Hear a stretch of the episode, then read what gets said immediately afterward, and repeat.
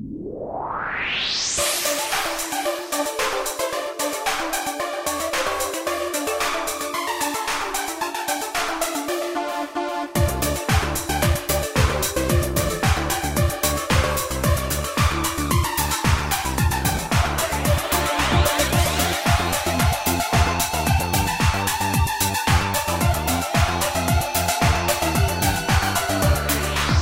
עניין שהתהפך הכל לתודה. מצווה גדולה להיות בשמחת תמיד הכל לתודה. מצווה גדולה להיות בשמחת תמיד אם אתה מאמין שיכולים לקלקל תשמע את הדיס תפסיק להתבגן אתה מאמין שיכולים לקלקל תגיד תודה והכל יתעדכן. איזה טוב השם איזה טוב השם איזה טוב, איזה טוב, איזה טוב השם. כמה טוב השם, כמה טוב השם.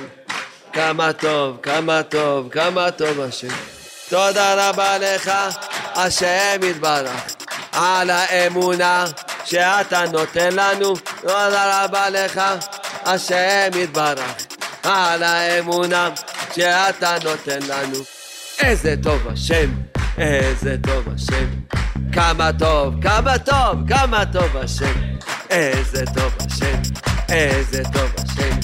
כמה טוב, כמה טוב, כמה טוב השם. תודה רבה לך, השם יתברך. על כל תודה שאני זוכה לומר לך. תודה רבה לך, השם יתברך. על כל תודה שאני זוכה לומר לך. טוב להודות לשם, טוב להודות לשם. זמר לשמך עליון, טוב להודות לשם, להודות לשם, זמר לשמך עליון, איי איי איי להגיד, כן בבוקר הזה, נתך בלילות, להגיד בבוקר, בבוקר הזה, נתך בלילות. הטובה הכי גדולה שאפשר להגיד לך תודה רבה. זו הטובה הכי גדולה. אדם זורק תודה רבה, זו הטובה הכי גדולה שיכול לקבל. שהוא זכה, שהוא אומר תודה. איפה שהיה היה, העיקר להתחיל להתחלה. איפה שהיה היה, העיקר להתחיל להתחלה. אבא תחדש אותי לגמרי, תדליק לי את הנשמה. היי, אבא תחדש אותי לגמרי. תדליק לי את הנשמה, היי מה שהיה, העיקר להתחיל מההתחלה, היי מה שהיה, היה, העיקר להתחיל מההתחלה, אבא תחדש אותי לגמרי, תדליק לי את הנשמה, אבא תחדש אותי לגמרי, תדליק לי את הנשמה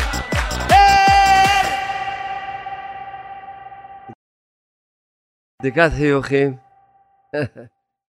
איזה בעל תשובה נכנס להתפלל בישיבה של חרדים. הוא מתפלל בהתלהבות, בהתעוררות. הם ישנים את התפילה. אז הוא אומר, תראה, מסכנים אלה, תינוקות שנשבו. זה המציאות. הם נשבו ולא לימדו אותם אמונה והתבודדות ותשובה ושמיעת עיניים, תיקונות וברית. לא לימדו אותם. אז הם גם תינוקות שנשבו. זה נשבע פה וזה נשבע פה. יש דבר שהוא, שזה צריכים להפיץ, צריכים לתת להם את האור, את האור של האמונה, השתבח שמו לעד. בעזרת השם, אנחנו היום נזכה ביחד לסכם סיכום מושלם שיעיר, נזכה כולנו להבין בצורה ברורה מאוד את כל העניין הזה של הגאולה, הישועה. צריכים לזכור טוב, שאם אדם לומד את החמישה חומשי תורה, לדעת מה היה פעם, צריך לדעת מה היה פעם. שידע שזה לא נקרא תורה, הוא לא לומד תורה. הוא לומד ספר היסטוריה או ספר סיפורים. ברגע שאדם לומד את התורה, לדעת מה היה פעם, זה לא נקרא תורה בכלל. במקום לכתוב על החומש ספר בראשית, ספר שמות, כתוב ספר היסטוריה או ספר סיפורים. לא רק שזה לא תורה, אלא גם הוא מקבל קללה. כתוב בזוהר הקדוש, שמי שלומד את התורה בצורה כזאת, טיפח רוחו. כי התורה זה לא ספר סיפורים, לא ספר היסטוריה, תורה זה ספר שמלמד אותך מה השם רוצה ממך. מלמד את כל אחד מאיתנו, תורה מלשון מורה, שהיא מורה לנו את הדרך שנלך בה. אמנם חלק מהתורה כתובה בדרך של סיפורים, אבל, אבל בשביל ללמד אותך, לא בשביל לספר לך סיפורים. בשביל ללמד את כל אחד וכל אחת מה בורא העולם רוצה מאיתנו. אז אם כן, בואו ננסה ביחד לסכם מה אנחנו יכולים ללמוד מהספר שמות, שבו מסופר על יציאת מצרים, על הגאולה הראשונה.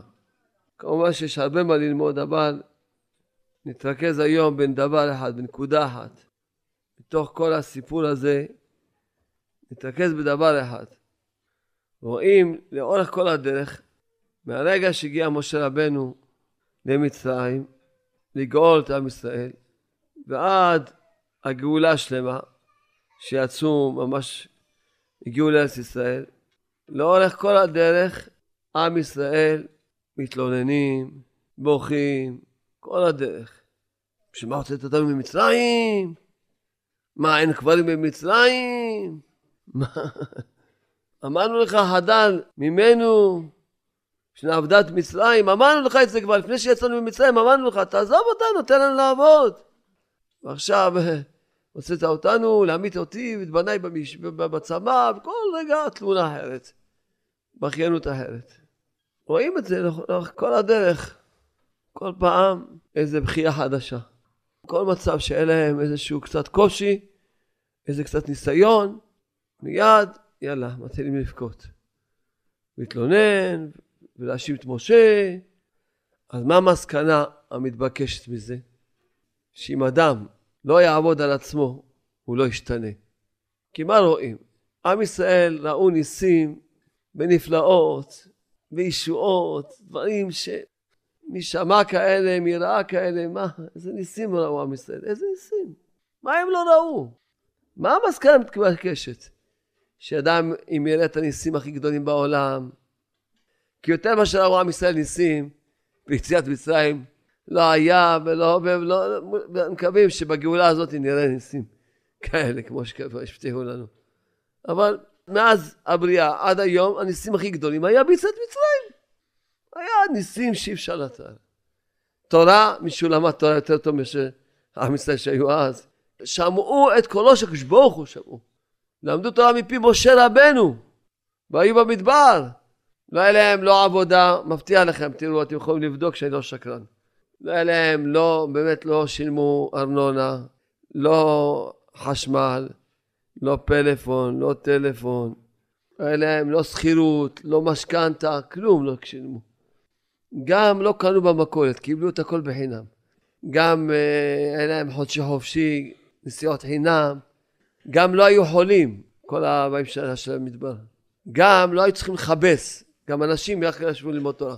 הבגדים הם מתחפשים לבד. גם לא היו צריכים לתפור, כל אחד עם הבגדים שיצא ממצרים גדלו איתו. לא היו צריכים גם לבשל, לא כלום. עומד להם אוכל מוכן, משהו, חבל הזמן. רק ישבו ולמדו תורה. כלום לא היה להם מה לעשות. וזה לא עזר להם כלום. למה? כי משה רבנו, הוא אמנם כתב את כל הספרים האלה, את כל הגנים האלה, הוא כתב אותם, אבל עוד לא יצאו אז לאור.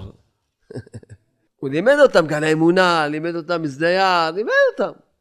צריכים לעשות התבודדות, אבל בגלל שעוד לא יצאו בספרים, אז זה היה חלש קצת. אז לכן לא השתנו.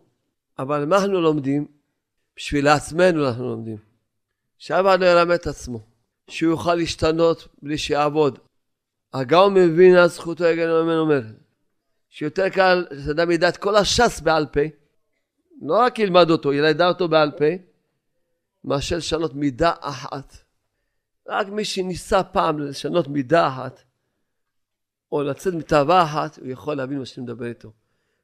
לכן אדם יכול ללמוד תורה בישיבה, גם מאה שנה הוא לא ישתנה. הוא לא ישתנה. להשתנות צריכים לקחת ולעשות עבודה. זה המסקנה הראשונה שאנחנו מסכמים לנו מתוך התבוננות קצת בחומש על יציאת מצרים. טוב, מסקנה א'. עכשיו, עוד מסקנה שאנחנו צריכים היום להבין אותה וללמוד אותה טוב, שעם ישראל כל הזמן בכו, התלוננו, מה השורש של הדבר שגרם להם לבכות, להיות כל הזמן בכיינים? מהו הנקודה השורשית והיסודית שגרמה להם, לעם ישראל, להיות בכיינים כאלה? מה? אתם יודעים מה? שהם היו כפויי טובה. כפויי טובה שכמותכם. אם הייתם רואים את הטובה שבורא העולם עשה איתכם, הייתם מתלוננים? אז קצת, טיפה להתאמץ בשביל לזכות לגאולה השלמה, טיפה. ומה תתאמץ? תעבוד על המידות שלך, תראה את ההכרת הטובה. כפויי טובה. אם היו טיפה רואים איזה טובות השם עשה איתנו. היו רק אסירי תודה לשם. מה שאתה עשית לנו, מודים לך, הוצאת אותנו ממצרים. אתם מעבדות להרות השתבש לך, מה לא הראת לנו? מה לא עשית איתנו? אתה מלווה אותנו, מורה עולם מלווה אותנו. עמוד ענן ביום ועמוד אש בלילה, מנקה להם את הדרכים, מסדר להם את הדרכים. פינוק כזה, מה, מה לא, השם לא עשה איתם? חוץ מהכרת טובה, מה יש לבן אדם? חוץ מתודה רבה. גם אם יהיה לו קשה, גם מי יעשה לו, הוא, הוא כל כך זוכר את הטובות שהשם עשה איתו, הוא רק אומר תודה רבה, תודה רבה, כבר עשיתי כל כך הרבה טובות. בבקשה, תרחם עליי, תעשה לי, מה אני אעשה? עשה לי גם זה, תעזור לי. כמה הרבה טובות עשית איתי, תעזור לי, תעזור לי, תתן לי גם את זה, טוב. בבושה, אדם צריך להתבייש לבקש, להתבייש לבקש. ככה זה, זה מתחיל מהאדם הראשון.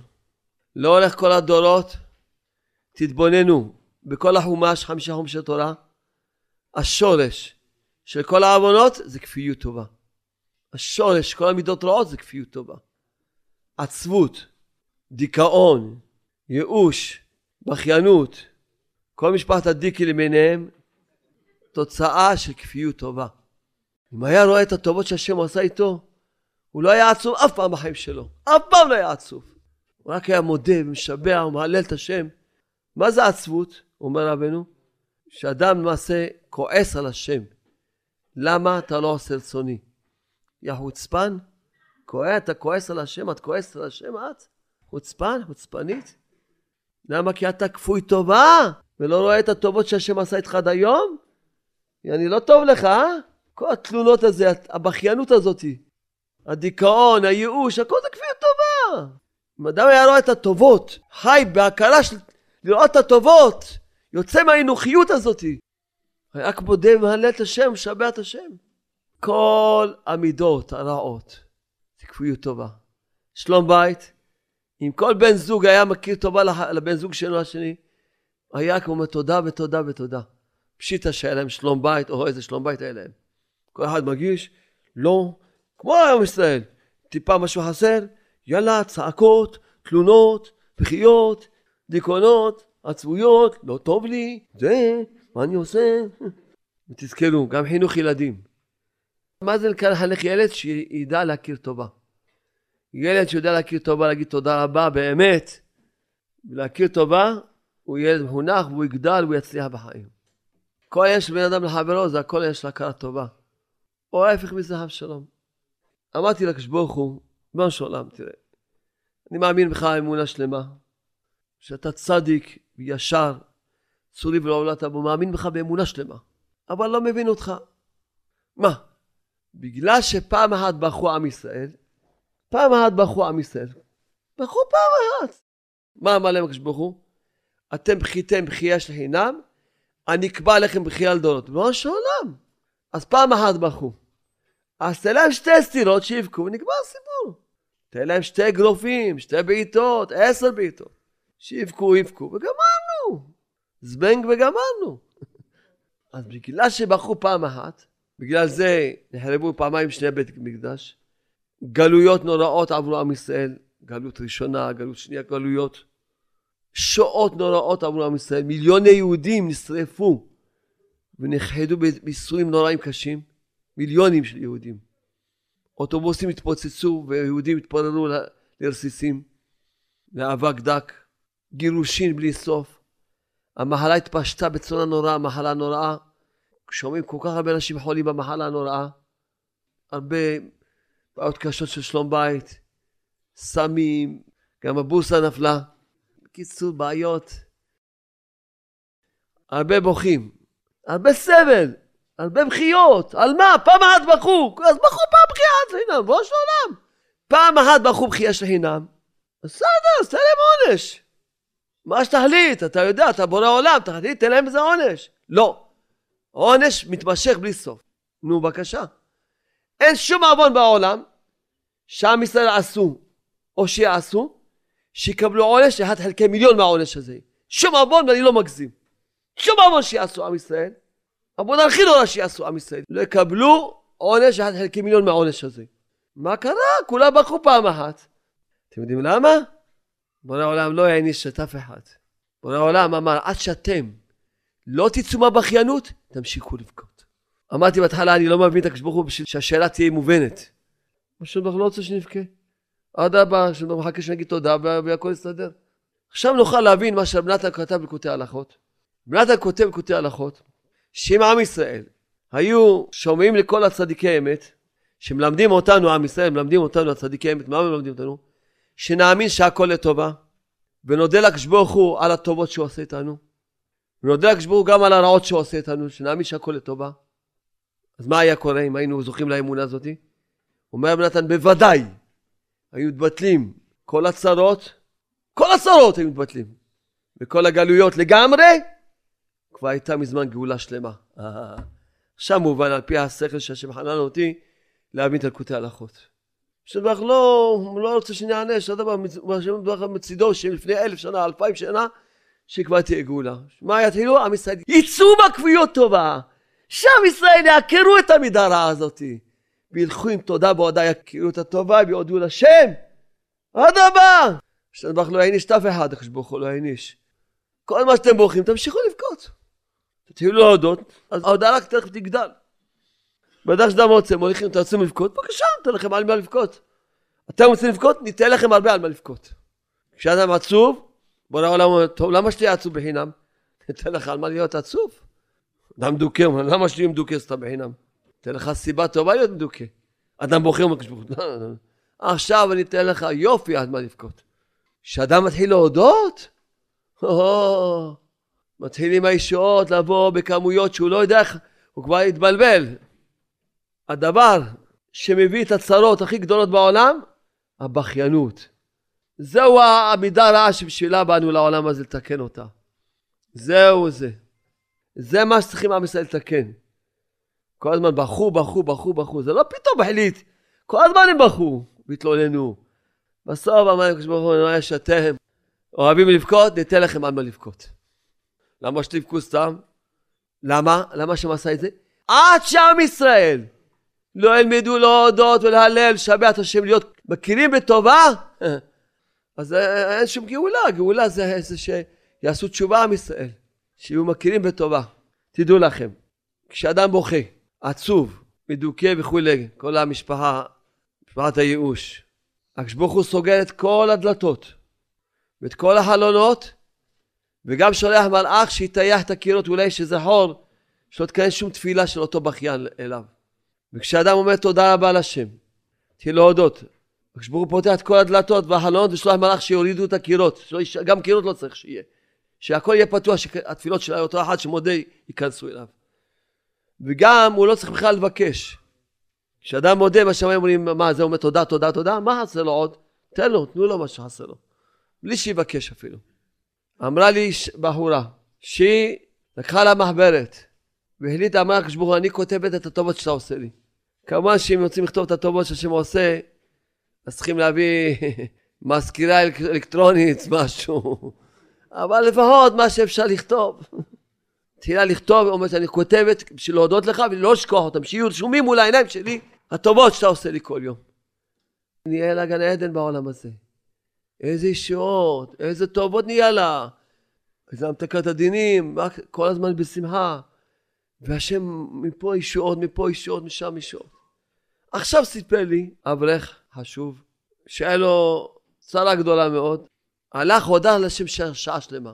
במקום לבכות על הצרה הזאת שבאה לו, צרה נוראה, התחזק, הלך לחוף הים, עשה התבודדות, שעה שלמה רק הודה לשם. הבן אדם הזה, שמישהו תבע אותו על סכום כסף שהוא לא חייב לו. הוא היה לו הצ'ק שלו, והוא לא קרא את הצ'ק, וההוא פתאום החליט להתעורר אחרי כמה שנים, ולתבע אותו. ההוא הלך, הודה לשם שעה שלמה, אומר, בוא שלום, אני מאמין שזה הכל אתה, הוא רק בובה, הוא לא קובע כלום, הוא רק מכה שלך, הוא כלום, משתבש ממך, מה שאתה, תודה לך, אתה יודע מה שאתה עושה, והוא מודה לא מפה, מודה משם, מודה, מהלל, ההוא, השנבח, עורר אותו, התקשר אליו בבוקר, אמר לו, אני, קח את הצ'ק, תקרא אותו, וזה התבטל הכל. יהודי שהיה מיליון מאתיים אלף שקל בערך, בא לשדה להתבודד, אז פגש אותו חסיד ברסלב, חבר שלו, מה נשמע? התחיל לבכות לו, תשמע, אני היה מיליון מאתיים אלף, וצרות, לבכות לו. שאל אותו, אתה עכשיו נכנס לשדה לבכות לשם? הוא אומר לו, כן. בשביל מה באתי לשדה לבכות? אמר לו, בכית, כמה זמן שבכית, עזר לך? הוא אומר לו, לא עזר כלום. הוא אומר, תשמע לי, רק תודה לשם. ההוא שבועיים הודה לשם, בא יהודי נתן לו מיליון שקל. זה דברים בדוקים, זה לא סיפורים שאני מספר לכם. עכשיו התקשרה מאזינה, עכשיו באנו מהרדיו לפה, דיברתי על תודה בהודעה, אומרת, היא בעצמה ישבה להודות להודות, ועל הבוקר השם שלח לה סכום גדול מאוד שהייתה צריכה אותו. אני לא מספר פרטים, אולי לפעמים מישהו מכיר מישהו, זה לא... אז בבקשה מכם. מה המסקנה המתבקשת בינתיים, ממה שהשם זיכה אותנו לסכם? למה, למה הגאולה עוד מתעכבת? כי כל אחד פה לא החליט לעבוד על הבכיינות עוד, כולם בכיינים. שזה הגאולה מתעכבת. עכשיו נתן אומר, אם עם ישראל יגידו תודה, תודה לשם, יודו לשם בין על הטוב בין הרע, בוודאי יתבטלו כל הצרות, כל הגלויות לגמרי, ותהיה ממש גאולה שלמה. הלכתי לבקר חולה, מצב קשה מאוד, השם ירפא אותו רפואה שלמה, במחלה הנוראה הזאת. אז מה אמרתי לו ולכל המשפחה? רק להודות, לא לבקש כלום. רק להגיד תודה, להתחיל להודות ולהודות ולהודות ולהודות. בלי סוף. ואם תהיו, תשמעו לי, יהיה פה נס אמיתי, שכל עם ישראל יראו מה זה כוח של תודה והודעה, ואני בטוח בזה. כל צרה שלא תהיה בעולם, אם ילכו בתודה והודעה, כי תודה והודעה, אה, זה מבטל כל הדינים שיש על הבן אדם. כל הדינים. כי כשאדם מתחיל, הוא אמר לי, מסכן החולה, שהוא עצוב וזה, אני מבין אותו, זה ניסיון קשה מאוד, מצב קשה מאוד. אף אחד פה לא, לא מתיימר להגיד שהוא יכול לעמוד בניסיון, זה ניסיון קשה, פשיטה. אבל הוא כבר נמצא בתוך הניסיון, והאמונה זה אמונה, והאמונה אומרת שאין רע בעולם. אין רע בעולם, האמונה אומרת. כל מה שאדם אומר מוס... רע בעולם, אתם יודעים למה אדם אומר רע בעולם? כי הוא לא למד את שני הספרים האלה. הוא לא למד בגן האמונה ובגן החוכמה. למה? מה הקשר?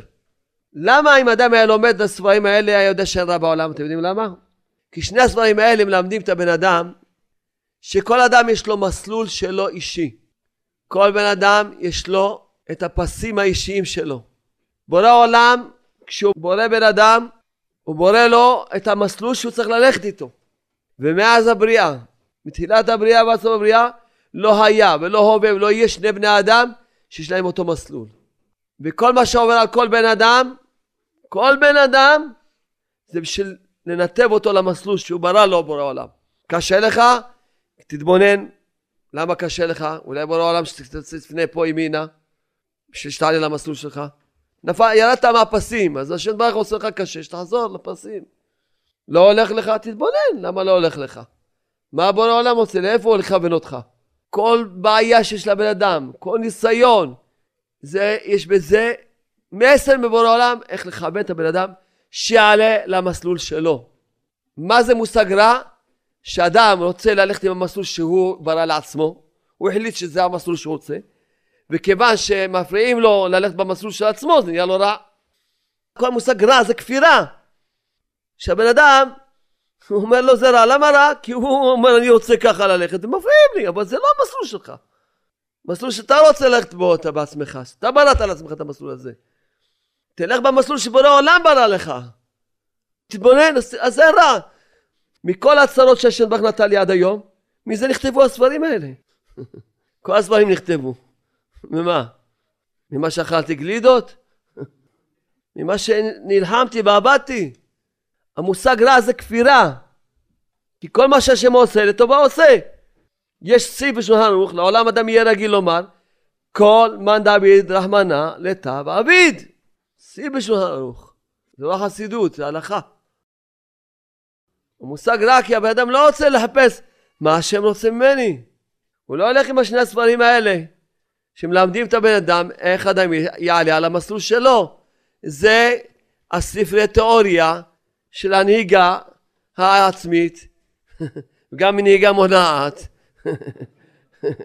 לעלות, ללמוד את קורס הקטרים וגם את הקורס של הטייסים, שאיך לטוס, איך כל אחד יש לו, צריך להיות טייס וקטר וכולי, כל אחד ידע.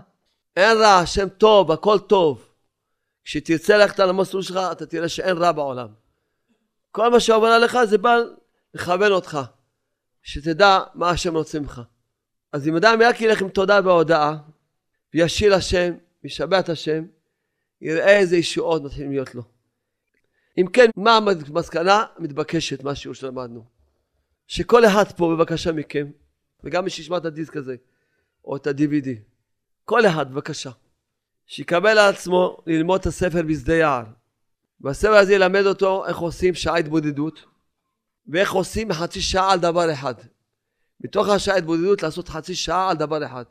זה הדרגה הכי נמוכה, כי ודאי שמי שיכול לזכות יכול לעשות גם שעה על דבר אחד, גם שעתיים על דבר אחד, אבל דרגה הכי נמוכה, לפחות שכל אחד יכול להחזיק בה, שיעשה חצי שעה על דבר אחד. על מה יעשה? כל אחד יקבל על עצמו מהיום, שחצי שעה יתבודד לעקור את הכפיות טובה שבתוכו, את כל המידה הרעה הזאת של עצבות ודיכאון וייאוש ובכיינות, שכל זה תוצאה של כפיות טובה. ולעבוד על הכרת הטובה, רק להודות ולהלל, לשבח את השם, לראות את הטובות, לא לשכוח לקחת מחברת, להתחיל לכתוב את הטובות, לא לשכוח אותם, נצח נצחים, לכתוב, להתחיל לכתוב ולהתחיל להודות לשם. רוצים גאולה? הנה בבקשה. יש עצה לגאולה. שכל אחד, כל אחד ואחד, ישים את כל העבודות שהוא רוצה לעבוד ואת כל ההשגות שהוא רוצה להשיג בצד ויעקור את הרע שמתוכו. הרע של כפיות הטובה. תזכרו היטב, חכמינו לימדו אותנו שכל הכופר בטובתו של חברו, סופו לכפור בטובתו של מקום. מה זה סופו? פירושו, הסוף זה תכלית. התכלית שלו זה, יש לו תכלית בחיים, לכפות בטובה של הקדוש ברוך הוא. כי בשביל להכיר טובה לקדוש ברוך הוא, צריך להזכיר טובה לאבא, לאימא. איך אדם, אבא גידל אותך, אימא, לא ישנו לילות. עכשיו אתה בא צועק עליהם, בזה אותם, מכה אותם. כפוי טובה שכמותך, רש כמותך. איך? הכרה טובה לכל בן אדם, בתוך הזוגות. כל אחד יתחיל לקחת לו פנקס מיוחד, לכתוב את הטובות שהבן זוג שלו עושה לו. הוא יגיד, אין, זהו, אני רק, רק להיות אסיר תודה לשני. ואז גם הוא יהיה אסיר תודה רק לקדוש ברוך הוא. וכל אחד שישמע לי, בבקשה מכם. רוצים כבר להביא את הגאולה. רב נתן אמרנו עכשיו, עד שלא יצאו עם ישראל מהמידה הרעה הזאת של הכפיות טובה, של הבכיינות, של העצמות, כל זה כפיות טובה, וילכו תודה והודאה, לא אין. רב נתן אומר, כבר מצווה את הגאולה שלמה. שום עבודה לא לפני העבודה הזאת. וכל אחד שילך עם, עם העניין של תודה והודאה, יבוא כל שבוע יספר לנו ניסים שהיה לו אותו שבוע. כל שבוע. מי שילך עם תודה והודאה באמת, כל שבוע בכל אחד שיש לו איזה בעיה בחיים, שילך עם תודה והודאה. אין לך ילדים, אין לך ילדים, תודה לשם, שעה ביום. אין לך זיווג, תודה לשם שעה ביום. כל בעיה שיש לך, רק תודה לשם. אתה רוצה, אתה, כל אחד יבוא להתחיל לספר לנו כל שבוע סיפורים, מה זכה באותו שבוע. כי כל אחד שילך עם השכל הזה, עם האמת הזו של תודה והודאה, הוא ודאי יתבטלו ממנו כל הצרות שלו, הוא. כלליות זה יהיה כשכלל ישראל כולם ילכו בשכל הזה, לכן כל אחד צריך לקבל לעצמו. לעבוד את העבודה הזאת. ללכת עם תודה והודאה. כל אחד יקרא לעצמו, זה חצי שעה ביום להתפלל השם, תעקור ממני את המידה הרעה הזאת, שהכפיות טובה, שהיא מביאה את הבכיינות ואת הדיכאון. תזכרו טוב מה שאמרנו, שבגלל כפיות טובה אתה בכיין, בגלל כפיות טובה אתה עצוב. אם היית רואה את הטובות, היית אומר רק תודה, תודה. מה יש לי, על מה יש לי לעצוב? על מה? מה עשה לי? דבר אחד עשה לי, שאני לא, לא אומר מספיק תודה. ולכן כל אחד ייקח על עצמו. כולם יקבלו עצמם חצי שעה ביום להתבודד על זה. לעקור את המידה הרעה הזאתי, את הרע, את השורש של הרע של כל אחד. לכן שרבנו כותב, שתתרבה ענווה בעולם יבוא משיח. זה ענווה! כי העצבות והבכיינות, זה הכל זה בא ממה? מגאווה. שאתה חושב שהגול מגיע לו, וכולם חייבים לו, והוא לא מרוצה, ויש לו תלונות, כל זה גאווה. המן הרשע הולך על שתי רגליים.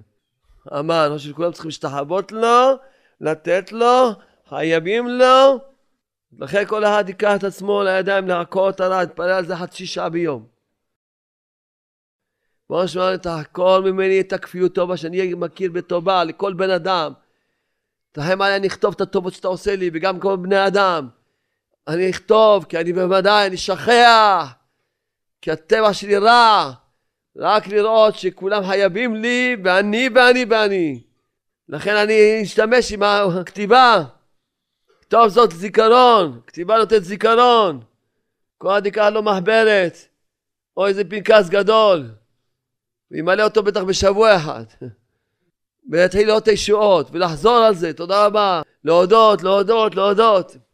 אמר לי איזה תלמיד, שבאמת הוא ראה נס גלוי, הוא קיבל לעצמו חמש דקות ביום להודות על הנס הזה, שלא ישכח אותו אף פעם כל ימי חייו. אז ודאי השם יראה לו הרבה ניסים. הוא לא רימה, הוא לא ירם את עצמי. אני חייב לחיות את האמונה. באמת לראות את הטובות שהשם עושה איתי. צריכים ללמוד להודות על הכל. לבכות, אפשר לבכות רק, על, רק מתוך געגועים לשם, או שבוכים על העבירות. וגם לא להאריך בזה הרבה. לבכות, לעשות תשובה, להתקדם, לשכוח.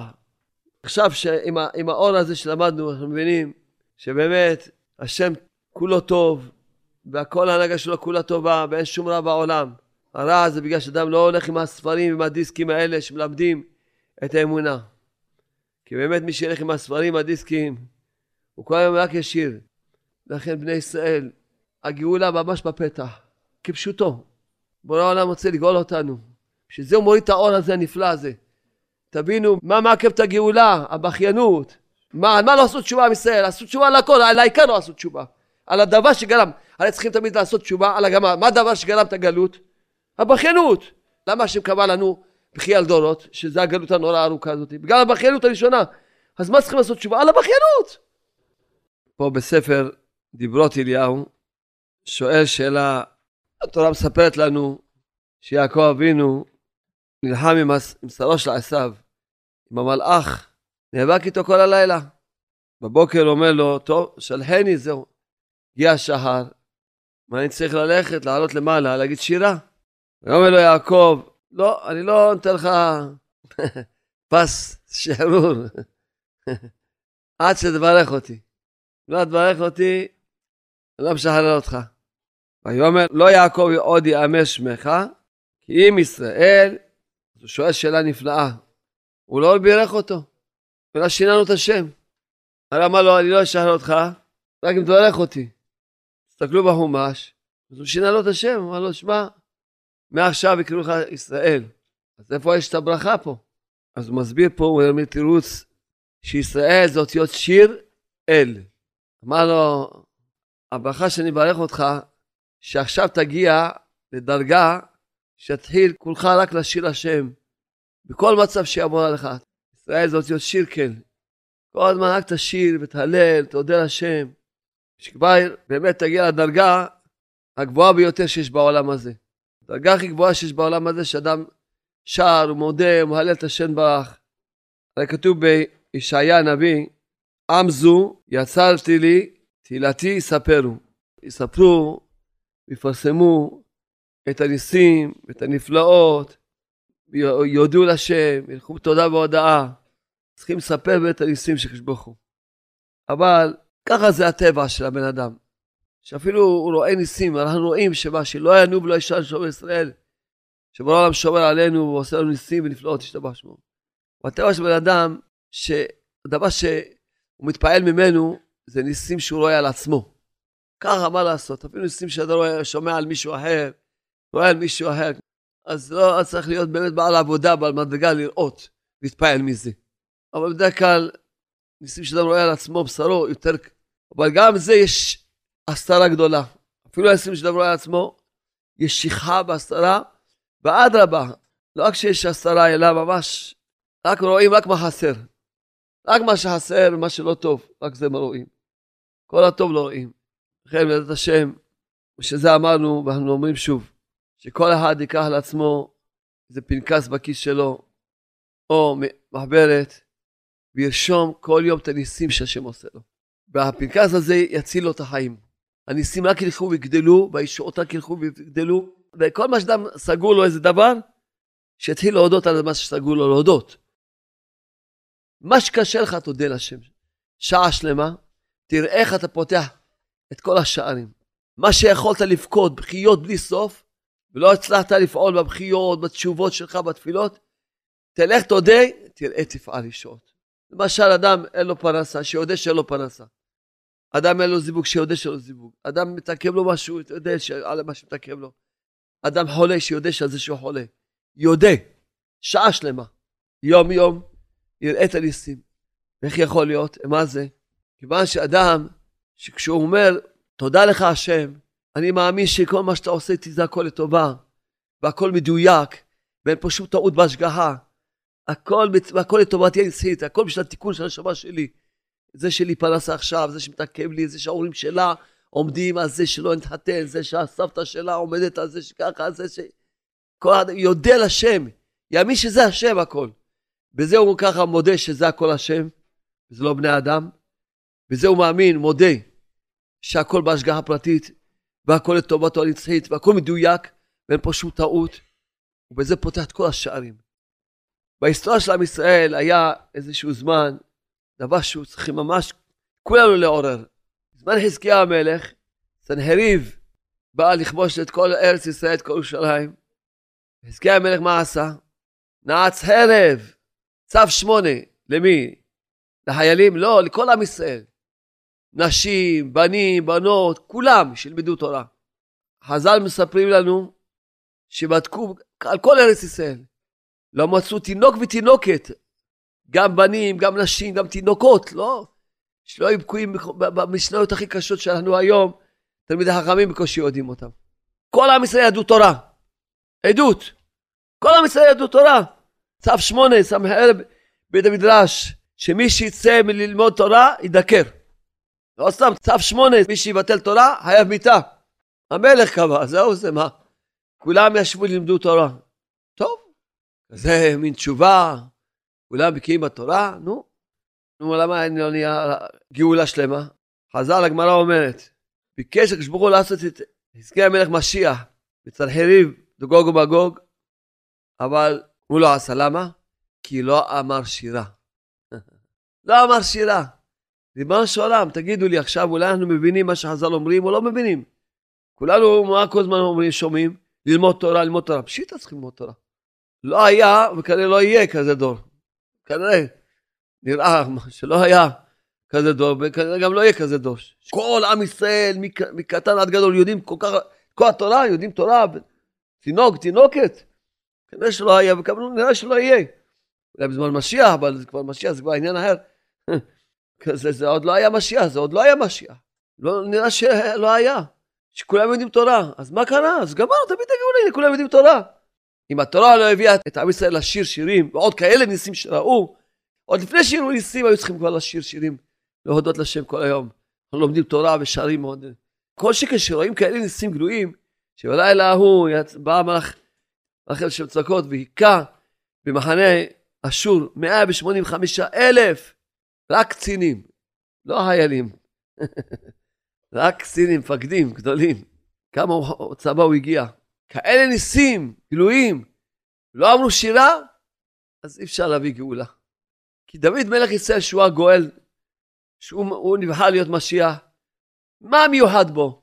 שהוא כולו שירה והודאה. שהוא הגיע לעניין של השירה והודאה הכי הרבה מכל העולם. לכן הוא נבחר להיות המשיח. ומה הוא אומר לכל עם ישראל? מה יעשו? מה הוא מבקש מכל העולם הזה? עם ישראל, כל מי שקורא תהילים. מה הוא קורא בתהילים? קורא בתהילים, תשירו לשם, תודו לשם, תהללו את השם. תהללו בשם קודשו, שמאל לבקשי השם, שירו להשם שיר חדש, שירו לו כל הארץ, זמרו לו שמו, הללו את השם כל הארץ.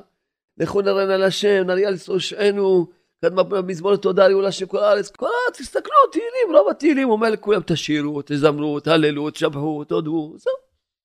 לכן, בעזרת השם, שאנחנו לא נפסיד את השיעור, אז בעזרת השם נעשה, אני אסכם אותו באלף, בית, גימל, דלת. אסכם אותו בצורה ממש תמציתית, יהיה לכם מאוד קל. לזכור את השיעור ולהעביר אותו לעוד יהודים. השיעור שיש בו סיכום של הגאולה. אור הגאולה, סיכום של הגאולה. א', מי שלומד תורה, בשביל לדעת מה היה פעם, הוא לא נקרא שהוא לומד תורה. כי הוא לא לומד תורה, כי זה לא התורה. התורה זה אדם צריך ללמוד, לדעת מה השם רוצה ממני. זה א'. לא רק בשיעור הזה, כל החיים, כשאתה לומד חומש, נביא, מה שאתה לומד, תלמד מה השם רוצה ממני. אז זה א', ב', מה אנחנו לומדים מסיפור יציאת מצרים? בעניין הזה העיקרי שאנחנו נוחזים בו, לומדים שעם ישראל, מאז שבא אליהם משה רבנו, לאורך כל הדרך, הם בכו, התלוננו, כל פעם בלשון אחרת. מה זה מלמד אותנו? צריכים ללמוד על עצמנו, בשביל זה אמרנו א', צריכים ללמוד על עצמנו. מה מלמד אותנו? מלמד אותנו שעם ישראל הרי ראו ניסים שאין גבול לניסים שהם ראו. כולם ראו יותר מעשר מרכבה של יחזקאל הנביא. למרות שעוד כל הניסים האלה לא השתנו. מה זה מלמד אותנו? שאדם לא ישתנה אם הוא ראה ניסים. מה עוד? הם למדו תורה. ממי? מהקדוש ברוך הוא שהם שמעו את עשרת הדיברות, מפי הקדוש ברוך הוא שמעו, פחד אלוקים, שמעו את כל הקדוש ברוך הוא, פחד אלוקים. ולמדו תורה מפי משה רבנו. זה לא שינה אותם. אם אדם לומד תורה בלי לעבוד על עצמו, זה לא ישנה אותו, אדם יכול לשמוע את השיעור הזה. אם הוא לא יקרא את השיעור הזה, לעבוד על עצמו, זה לא ישנה אותו. זה המסקנה, זה ב'. שאדם, אם הוא לא יעבוד על עצמו, הוא לא ישתנה. למה לא השתנית? בגלל שלא עבדת על עצמך, זו הסיבה היחידה. לא יגיד, לא, הוא ראה ניסים. ניסים לא, לא, לא משנים את הבן אדם. הוא למד תורה מפי משה רבנו. זה לא, זה לא משנה מפי מי תלמד תורה, לא, לא ישנה את הבן אדם. ב', אדם לא יעבוד על עצמו, הוא לא ישתנה. בסדר? ג', מהי הסיבה בשורש שבגללה אדם הוא בכיין, בגללה אדם הוא עצוב, בגללה אדם מדוכא, בגללה אדם מיואש, בגללה אדם לא מרוצה. מה? שהוא כפוי טובה. ג' שורש כל הרע זה כפיות טובה. לאורך כל ההיסטוריה, מאז אדם הראשון שהוא כפוי טובה ראשון, שרש"י אומר כפוי טובה, ועד היום שורש כל העבירות, שורש כל הרע, יסוד כל הרע, זה כפיות טובה. אדם שהוא לא כפוי טובה אף פעם לא יהיה עצוב. אם הוא יזכור, רק יכתוב את הפנקס הזה, את הטובות, הוא אף פעם לא יהיה עצוב.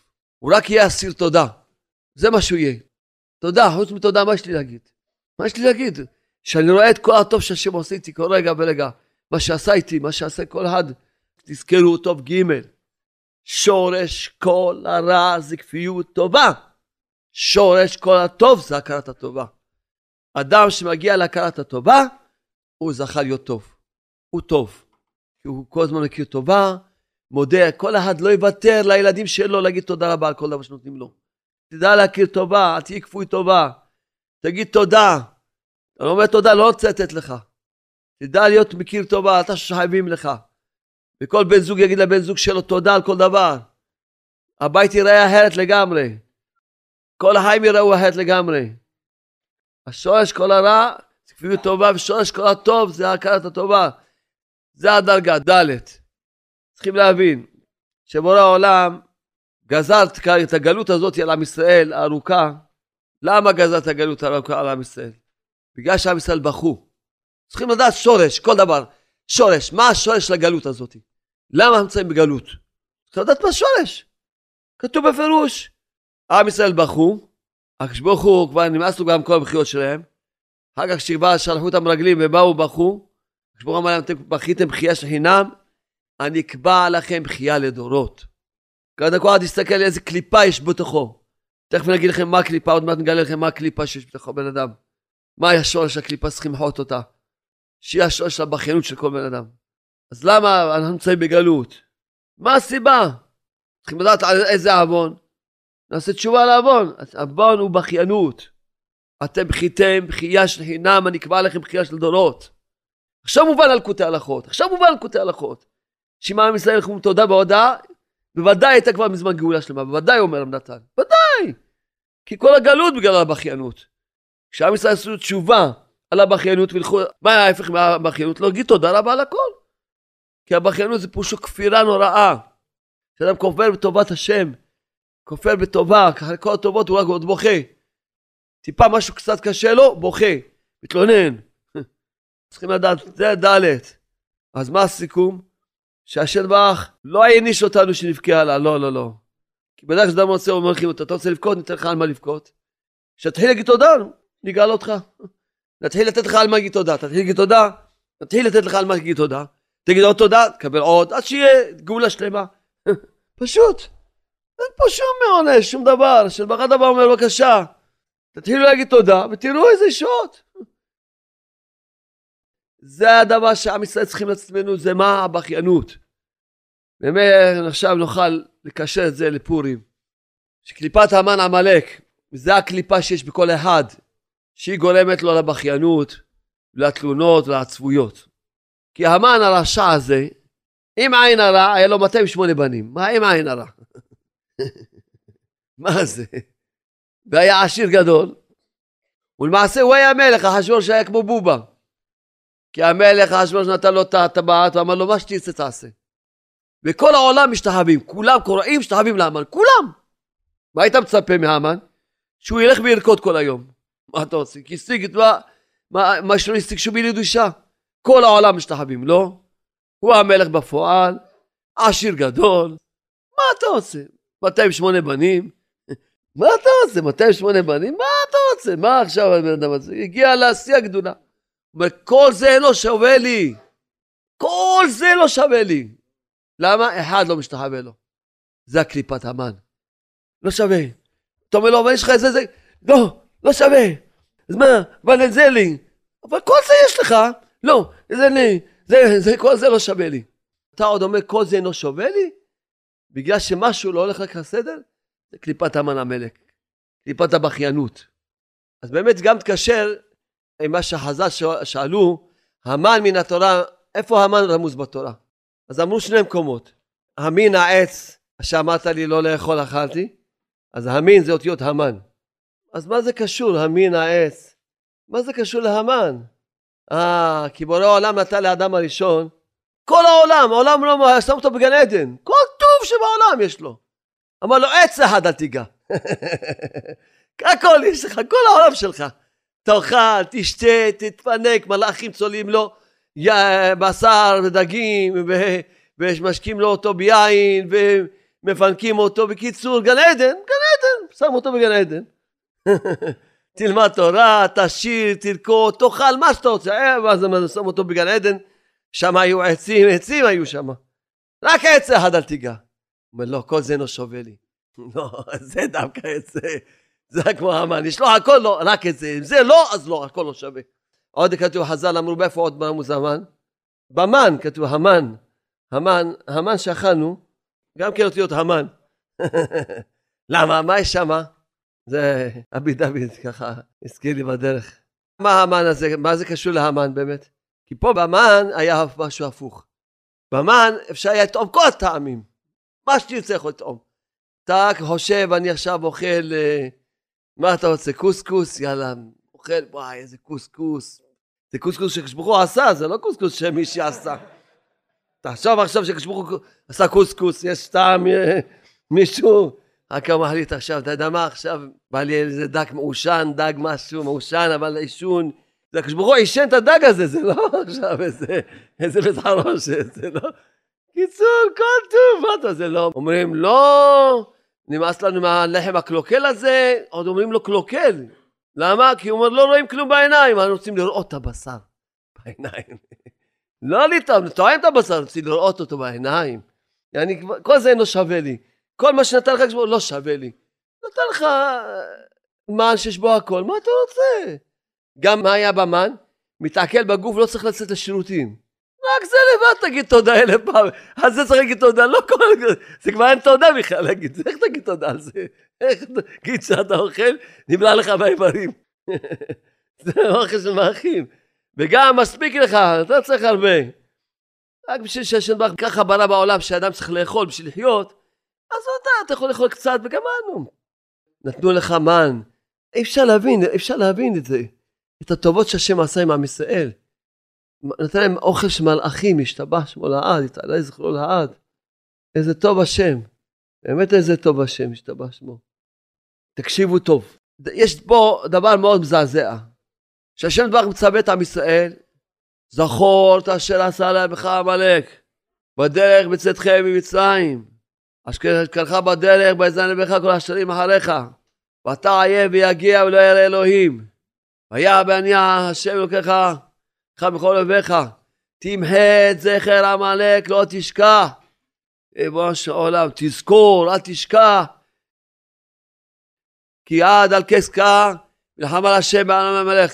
אין כיסאו של בורא עולם שלם, כיסאו זה מלכותו. ואין שמו של בורא עולם שלם, אז להם עמלק, ריבונו של עולם. זה מזעזע לחשוב על זה, בורא עולם. עד שעם ישראל לא יצאו מהבכיינות, שזה קליפת עמלק. לא יצאו מהבכיינות. אז כיסו של שבהן זה לא מלכות, מה, שמלך לא. מלך שכולם רק מתלוננים, איפה מלכותו? כיסו שלו לא שלם, מלכותו לא שלמה. כולם בוכים, מתלוננים, כל זה לא שווה לי, אה, לא מרוצה, אה, עצובים. תדעו לכם טוב, שאין בושה, לבייש, מי שרוצה לבייש את הקדוש ברוך הוא, רק יהיה עצוב, לא צריך לעשות הרבה. וכל שכן שיתלונן, וכל שכן שיבכה ויהיה עצוב, ויהיה מדוכא וכו'. למה זה בושה לקדוש ברוך הוא? שהקדוש ברוך הוא כביכול, חב שלום, חב שלום, הוא לא מנהיג את העולם שלו בצדק, כי עובדה, יש לך תלונה. הרי אתה לא מרוצה. סימן שמה? שלפי דעתך, אתה, את, חולקים על הצדק שהשם ברך עושה. לפי דעתך זה לא צודק. אתה לא מקבל את זה באהבה, לפי דעתך, לא, השם ברך לא צודק. אז זה, זה בושה גדולה לקדוש ברוך הוא. לכן, מה קורה? הבית דין למעלה, שלא יכולים לראות איך שמביישים, מבזים את הקדוש ברוך הוא, ישר פותחים את התיק של אותו בן אדם שמתלונן, או בוכה, או מיואש, או עצוב, פותחים. אומרים בוא, אולי הוא צודק, אולי הקדוש ברוך הוא, חב שלום שכח לשלם למישהו. הוא לא, לא יתנהג עם מישהו בצדק, חב שלום. אז בוא נבדוק, לראות, אולי באמת, אז ישלמו ישר, בשמיים לא רוצים להיות חייבים. לכן כתוב שהמעיין בתפילתו מביא עליו דינים, למה? כי מה הוא חושב? מגיע לי, התפללתי. בשמיים אומרים לו, מישהו חושב פה מגיע לו? בוא נבדוק, מה הקדוש ברוך הוא חייב מישהו לא שילמו, בוא נשלם מהר. מה, זה לא יפה שקדוש ברוך הוא חייב לא משלמים. בוא נבדוק את התיקים שלו. כמובן שהשם הוא צדיק וישר, צורי ולעוולת בו, כולו יושר, כולו טוב. ואדרבה, פותחים את התיקים, רואים, או, הבן אדם יש לו חובות גדולים, או איזה חובות יש לו. ועד עכשיו עוד חכינו לו בסבלנות, אבל כיוון שהוא רוצה שהקשבור ישלם לו, והקשבור לא חייב לו כלום, אז קצת, קח קצת, קצת חובות ממך קצת. וזו הסיבה שבאים לאדם צרות. כי תדעו לכם, כשאדם בוכה, בדרך שאדם רוצים מוליכים אותו, אתה רוצה לבכות? ניתן לך מה לבכות, אל תדאג. נשתדל לדאוג לך שלא יעשה לך בחיות, יהיה לך על מה לבכות תמיד. כשאדם אומר תודה, אומרים, אתה יודע מה? אתה אוהב להודות? ניתן לך להודות, שלא תפסק לך תודה בשיר ובהודעה. תבינו טוב. זה קליפת המן עמלק. מלחמה על השם בעמלק מדור דור. ממה הוא נלחם? בעצבות, בדיכאון, בייאוש. שזה השורש שלו כפיות טובה, תזכרו. השורש של הכל זה כפיות טובה. וזה נקשר זה עם משה רבנו ששבוע הבא זה יום ההילולה שלו, יום זה זין באדר. והאיש משה ענה מכל האדם. שזה השורש של כל הטוב. הכרת הטובה, שזה בא מהענווה. שאדם, הוא רק רואה כמה השם טוב וכמה השם מיטיב איתו. הוא נהיה עוד יותר ענב, אני מה? אני, איך בכלל השם נותן לי עוד, ונותן לי עוד, ונותן לי עוד. נהיה עוד יותר קטן, ועוד יותר קטן. הכפיות טובה, שזה תוצאה של גאווה, זה מנפח אותך עוד יותר בגאווה. והכרת הטובה, שזה שורש שלו של טוב וענווה, זה מביא אותך לעוד יותר ענווה. תתחיל לאות, ואתה מתחיל להתבייש ולהגיד, בוא של עולם, עוד טובות.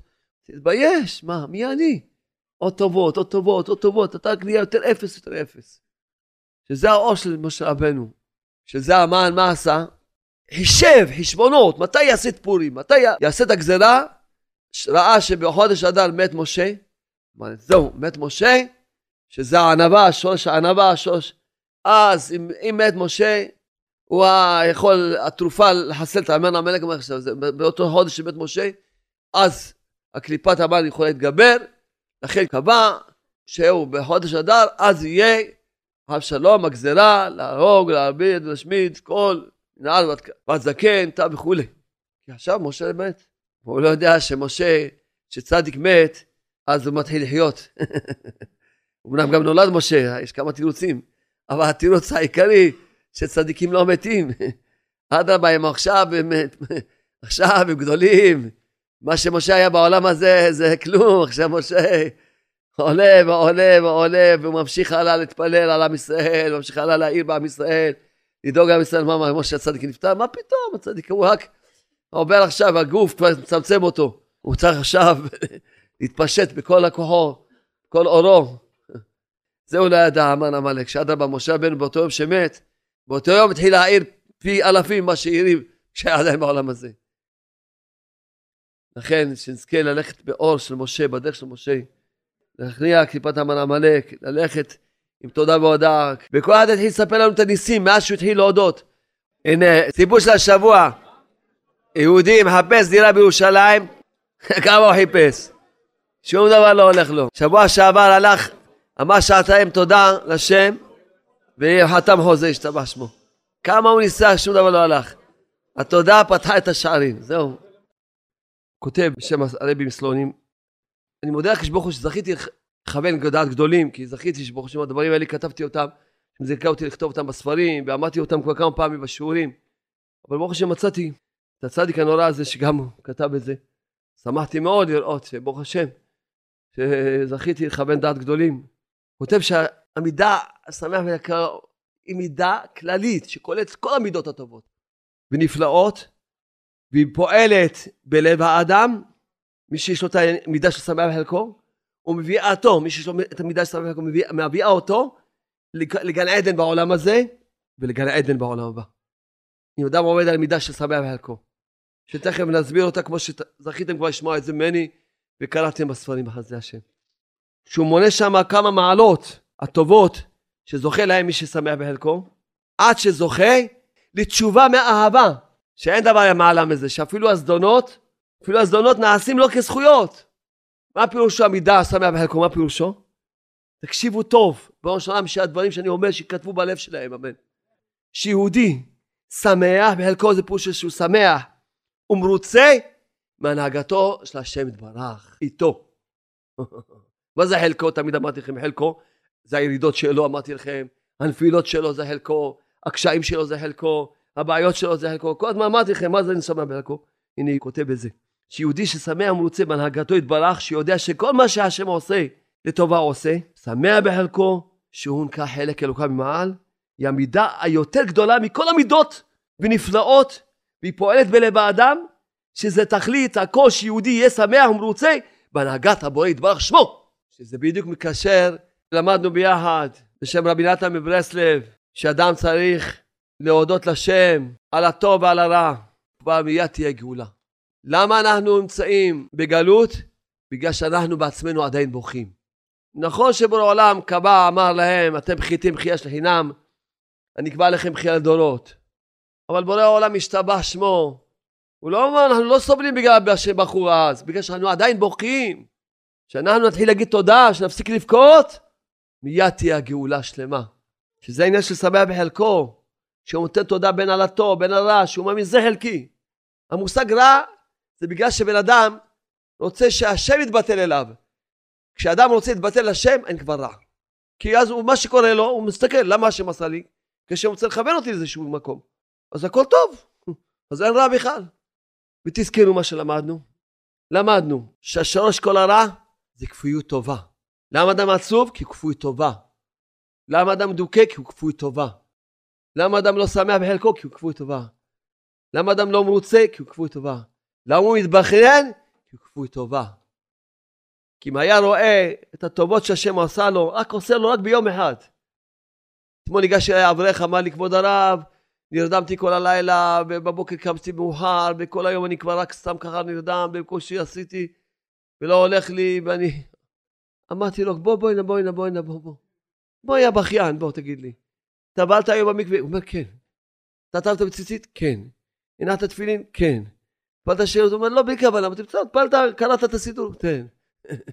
בסדר. למדת קצת? הוא אומר, נרדמתי בגמרא. בסדר, למדת? למדת קצת. עשית שעת בריאות? הוא אומר, כן. אמרתי לו, יש לך עכשיו להודות מיליארד שנים על מה שקרה, על מה שנתן לך השם היום. היום, היום שכבר לא הולך לך, היום שלא הולך לך, שנקרא לא טוב בשבילך, אתה צריך להודות מיליארד שנים על מה שהשם נתן לך היום. אתה מתבכיין? כל העצבות, הבכיינות, כולה באה מכפיות טובה. וכל מי שאדם לא שמח ולא הולך עם תודה והודאה, כי הוא כפוי טובה. כי זה הוא לא הולך עם תודה בהודאה, ושירה וזמרה לשם בך. כי אם אדם היה קצת רואה, קצת את הטובות שהשם עשה לו, רק ביום אחד, רק ביום אחד. כבר היה רק, רק שר מהלל את השם. אם היה לו קצת אמונה, היה לו קצת גן אמונה, קצת גן חוכמה, היה גם מודה על הרע גם כן. והיה מתחיל להגיד תודה רבה גם על הרע. ואם אדם היה שומע את הדיסק הזה, אז בוודאי היה כמו אומר תודה ותודה ותודה, ואני כל יום שומע. סתם אברך שלי, ספר לי. היה צריך כסף לשכר דירה, לא היה לו. אז אשתו אומרת, מה נעשה? אמר לה, מה, מה? אני לא יכול לסדר להגיד תודה רבה לשם שעה. הלך לשדה, והיה בוץ וזה, אבל הלך, עשה שעת תודה, תודה רבה, עד היום נתת לי איפה לגור, והדירה יש בה ככה, ותודה רבה על זה, ותגיד להודות שעה שלמה, מודה על הדירה הזאת שאין לו כסף להשכיר אותה. מודה ומודה ומודה, צריך להודות, עד היום השם נתן לו לגור, עד היום שילם לו את השכירות, רק, רק עוד, לא אמר מילה, לא ביקש בכלל. יצא מהשדה, אמא שלו ביקשה ממנו, לך תקנה לי ירקות, קשרה אליו, הלך לחנות הירקות, ראה אותו איזה הבא שלו, אומר לו, מה זה אתה עם בוץ? אומר לו, הלכתי לעשות שעה התבודדות, להודות לשם. להודות לשם, מה? לא הלכתי להודות לשם שעד היום יש לי דירה, ועד היום היה לי שכירות.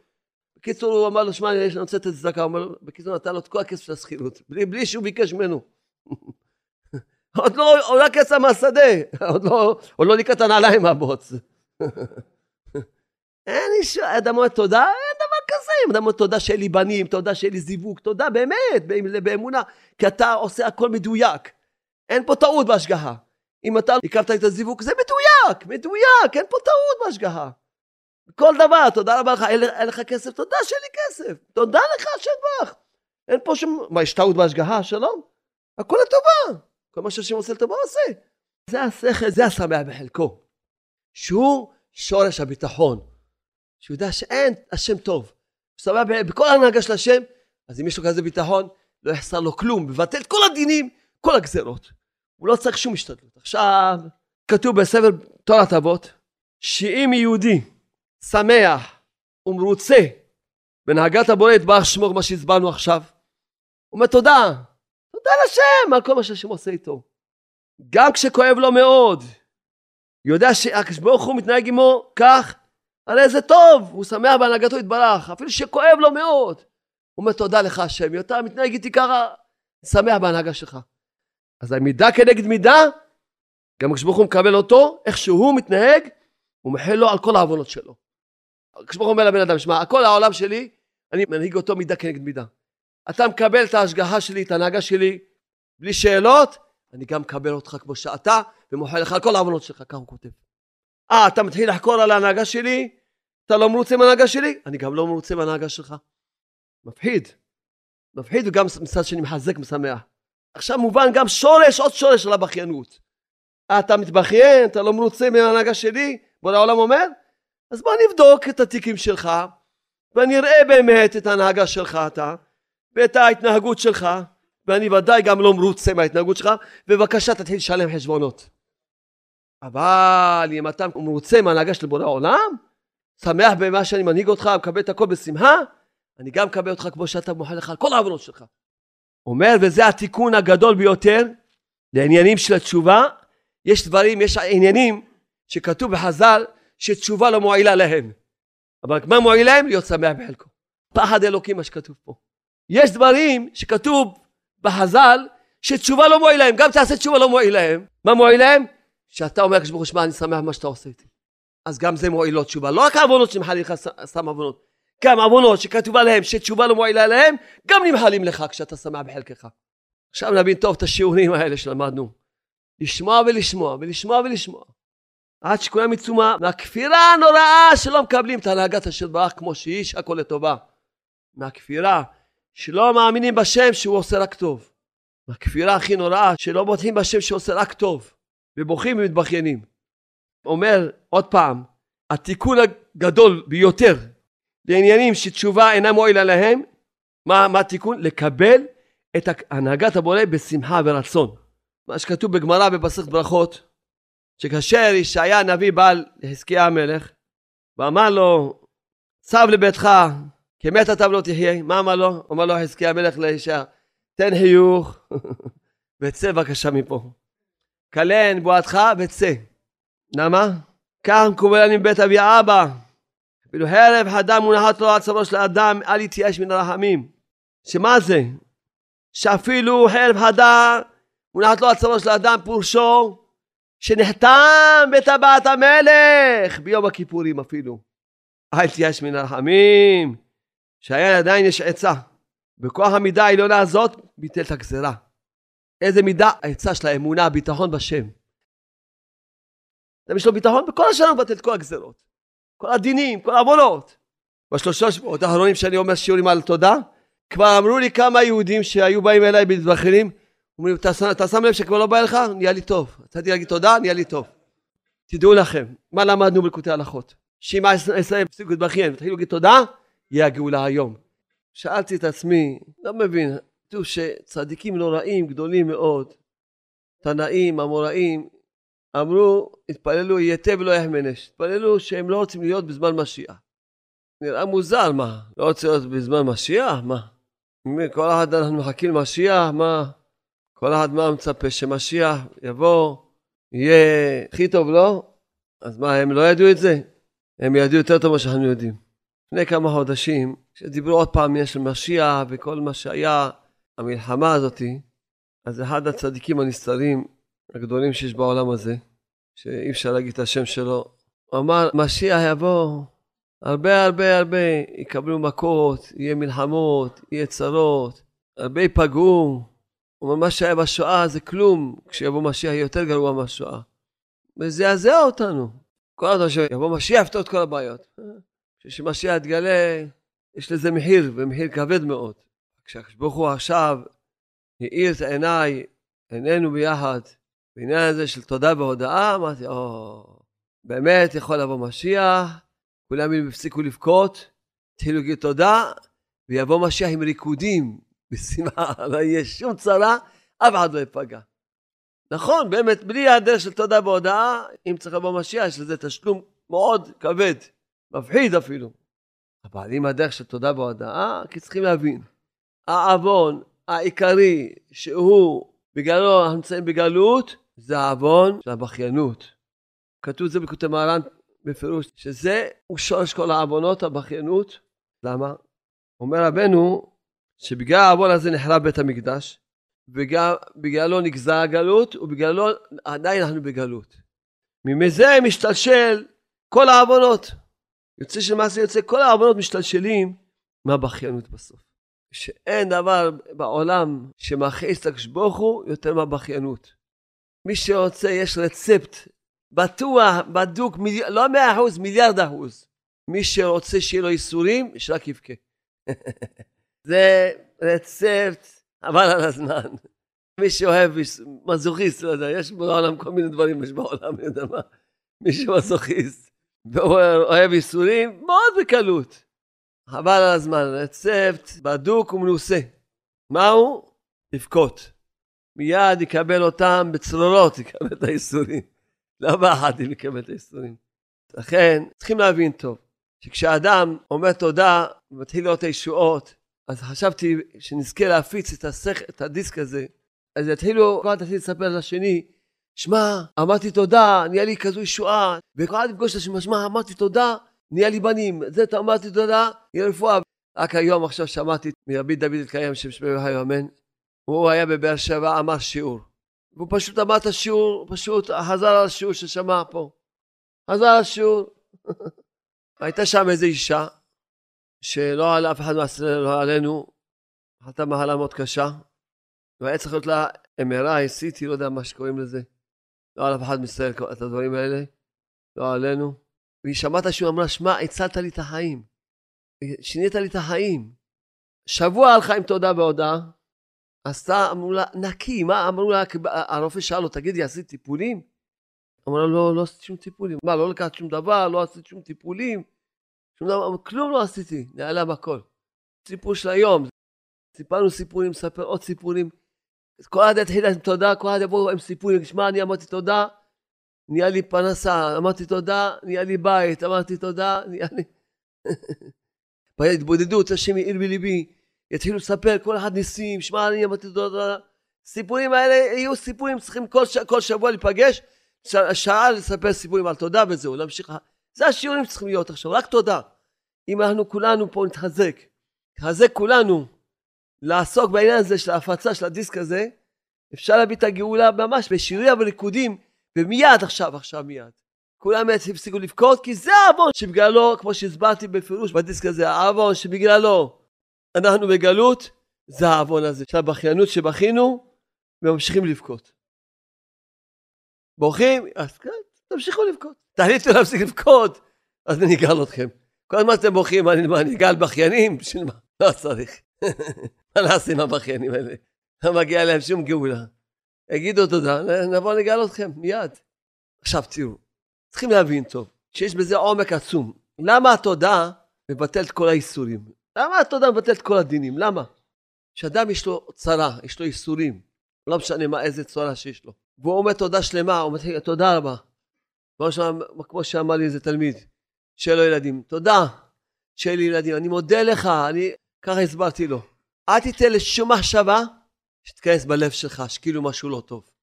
כשאדם לא יכול להגיד תודה על הדבר, פירושו לא, זה לא טוב. זה מה שהשם עשה, זה לא טוב. השם עשה שיהיה לו ילדים, אז זה לא טוב. אבל מה שהשם עושה הכל לטובה. אין, השם דבר לא עושה שום דבר לא טוב בעולם. אז לכן אמרתי לו, אתה חייב להגיד שעה שלמה תודה, ולבקש מהשם, שעה שלמה שלא, שלא ייכנס מחשבה או לא הרהור שמשהו לא טוב. אין דבר כזה, תודה רבה, ב- בלב שלם. וככה כל אחד יש לו איזה צרה מסוימת, איזה בעיה, שהוא אומר תודה, שהוא, שהוא מאמין באמונה שלמה שמה שהשם עושה זה טוב. הרי ידוע שכתוב בכותב מרן, שכל מה שיש לנו בהחברת העולם, בשביל מה לגלות רחמנותו. עכשיו זה נקרא שהוא נכנע לפני, שהוא מכניע את עצמו. כשאדם אומר תודה על הצרה, פירושו שהוא מכניע את עצמו, מקבל את ההצרה. איך כתוב בסיפור מעשיות? רבנו מספר, ויהי היום, והיה גיבור, התקבצו אליו כמה גיבורים. מי זה הגיבור, אומר רבנו? מי זה הגיבור? זה מידת הדין. והיה גיבור עם גיבוריו, הולך וכובש מדינות. והוא לא היה רוצה כי אם הכנעה. מה הגיבור רוצה? כשבאה מידת הדין לבן אדם, איך הוא יכול לסלק ממנו את מידת הדין? מה? איך? הכנעה. שהוא מכניע את עצמו. וכשהיו בני המדינה מכניעים עצמם תחתיו, היה מניחם. ואם לאו היה מחריבם, הנה בדיוק. אדם מכניע את עצמו תחת הקדוש ברוך הוא, אז מקבל מנוחה, נהיה לו ישועה. ואם לאו מחריבם, מידת הדין מתגברת. שבאה מידת הדין לבן אדם, רק הכנעה יכולה לסלק ממנו מידת הדין. עכשיו עכשיו שמעתי בשם צדיק גדול מאוד, שאמר שבגן האמונה יש בו כל הרפואות, מי שקורא אותו, יהיה לו רפואת הנפש ורפואת הגוף. כמו ספר תהילים יש בו כל הרפואות, וגם גן האמונה, כך הוא אמר. שאדם יכול לקרוא גן האמונה, ויהיה לו כל הרפואות בגוף ונפש. כי הספר הזה, ברגע שאדם לומד אותו, הוא מתחיל לחיות אמונה, מתחיל להיות נכנע לפני השם, מבטא את כל הדינים מעליו. פה עכשיו דיברנו, עניין של תודה. להסביר את העניין של התודה, שזה לא סתם, אומרים תודה ונהיה טוב. יש בזה המון עומק. כשאדם הוא אומר תודה על הצרה, זה נקרא שהוא נכנע לפני השם לגמרי. כמו שהוא אמר, אין, הבאת לי תודה, אני נכנע לפניך, לגמרי. אז זה הכנעה, שיש מידת הדין על בן אדם, מה רוצים ממנו? רק שכנע לפני השם. כי כשאתה אומר תודה, פירושו אתה אומר, שמע, אני בלעדיך לא הייתי מסתדר בלי הדבר הזה. בלעדיך אני סמרטוט. אתה אומר תודה לשם, אומר לקדוש ברוך הוא, שמע, אני בלעדיך אני כלום. הוא מכניע את עצמו שאין לו כלום מעצמו. גם אומר תודה לבן אדם שקיבל ממנו, פושו, הוא מכניע את עצמו. אתה היית באמת הצינור, ואחר כך קיבלתי את הישועה הזאתי. לכן תודה זה נקרא הכנעה. הכנעה, שאדם נכנע לפני השם. עשית לי דבר כזה, תודה. מה שאתה עושה זה טוב. אין, השם לא עושה שום רע בעולם. כשאתה לא יכול להגיד תודה פירושו זה רע. תחליט. זה טוב, תגיד תודה. אתה לא יכול להגיד תודה, זה אומר שזה רע. אין פה, אתה סותר את עצמך. זה לא חסידות, זה שולחן ערוך. כתוב בשולחן ערוך, לעולם אדם יהיה רגיל לומר, כל דוד רחמנא, אתה מעביד כל מה שהשם עושה טובה עושה, זה לא תגיד עכשיו איזה, זה שולחן ערוך. אתה מאמין שכל מה שהשם עושה לטובה, אז תחליט. זה טוב, תגיד תודה. אתה לא להגיד תודה, אתה אומר שזה לא טוב, תחליט. אתה סותר את עצמך באמונה. זה שאתה מרגיש רע, זה כבר חוסר אמונה. בדיוק אמרה לי איזה תלמידה, אמרה שלא יודע, נגנב לה כסף וזה, והיא אומרת, אמרתי תודה, אבל אני בצער. אמרתי לה, תשמעי, גברתי, את יודעת טוב. אם היית אומר תודה באמת, היית מקבל כפל כפליים. קודם כל מה שהם לקחו זה שייך להם, אין פה שום טעות. לא לקחו ממך כלום. זה שייך להם מגלגול קודם, ועכשיו היה חזר חוב, נגמר הסיפור, מה? מתפתת מחוב, השתבע שמו. כמה תודה היא צריכה להגיד. ואם היית מאמינה ואומרת תודה בכל הלב, שבא השש עושה רק לטובה, היית מקבל כפל כפליים. סתם, הצער הזה סגר לך את הכל. זה ניסיון שדווקא להשפיע לך שפע עצום. הצער זה סגר לך את הכל. אין, אדם סותר את עצמו, לא, אני אומר תודה, אבל אני בצער, תגידי, אתה... לא, אני אומר תודה, אבל זה רע לי. אז תגיד, אתה, על מי אתה עובד? עליי, עליך, על מי אתה עובד? תגיד, על מי אתה עובד? אין, אתה מחליט שאין, אין רע בעולם, זה המציאות. השאלה, אם אתה רוצה לחיות עם המציאות, אין פה משהו אחר. המציאות אין רע בעולם. כשאתה רוצה לחיות עם המציאות, בבקשה. תתחיל להגיד תודה על כל מה שרע לך. אל תוותר לעצמך, אין דבר כזה, זה טוב, השם עשה, זה טוב. אני מקבל את זה באהבה, תודה לך בורא עולם. זרוק את השכל שלך, תלך באמונה. האש הזאת צריכה לבעור, לבעור, שכולם יתעוררו לדעת, ללכת עם התודה באמת.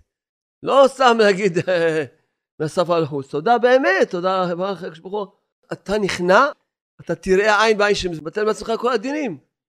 תרגיל להגיד תודה על כל דבר. אז נחזור לעניין של עמלק. שהוא עמלק, הגיע הכפיות טובה של עם ישראל הכי נורא. מילא אדם כבר, אתה יודע, לא אומר תודה.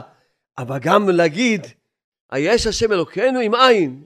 שכביכול עד עכשיו הוא לא נמצא איתך, עד עכשיו לא עשה כלום. ולכן הבכיינות זה נורא מאוד. שלא רק שאתה לא אומר תודה, אתה עוד בא להתלונן ולבכות. זאת אומרת שאתה בכלל מהפך אל ההפך. טוב, בוא נראה מה כותב פה. זהו זה. חייב כל יהודי לקבל באהבה את כל הניסיונות שכשברוך הוא נותן לו בבית, בבית ובחוץ. אותם ניסיונות באים רק לטובתו, כדי שיגדל מהם. לכן ישתדל אדם לעמוד במבחן הניסיון באמונה וביטחון לדעת.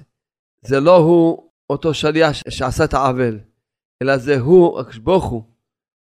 הבנה זאת נוכל לקיים את כל המצוות, כמו לדוגמה, לא לקום ולא ליטול, כך נחיה חיי האמונה שהעולם אינו מקרי ויש יד מכוונת. אהובי, לא נשכח לזכור תמיד ברגע של ניסיון, זה לא הוא, זה הוא. זה לא הוא, זה הוא. זה טוב.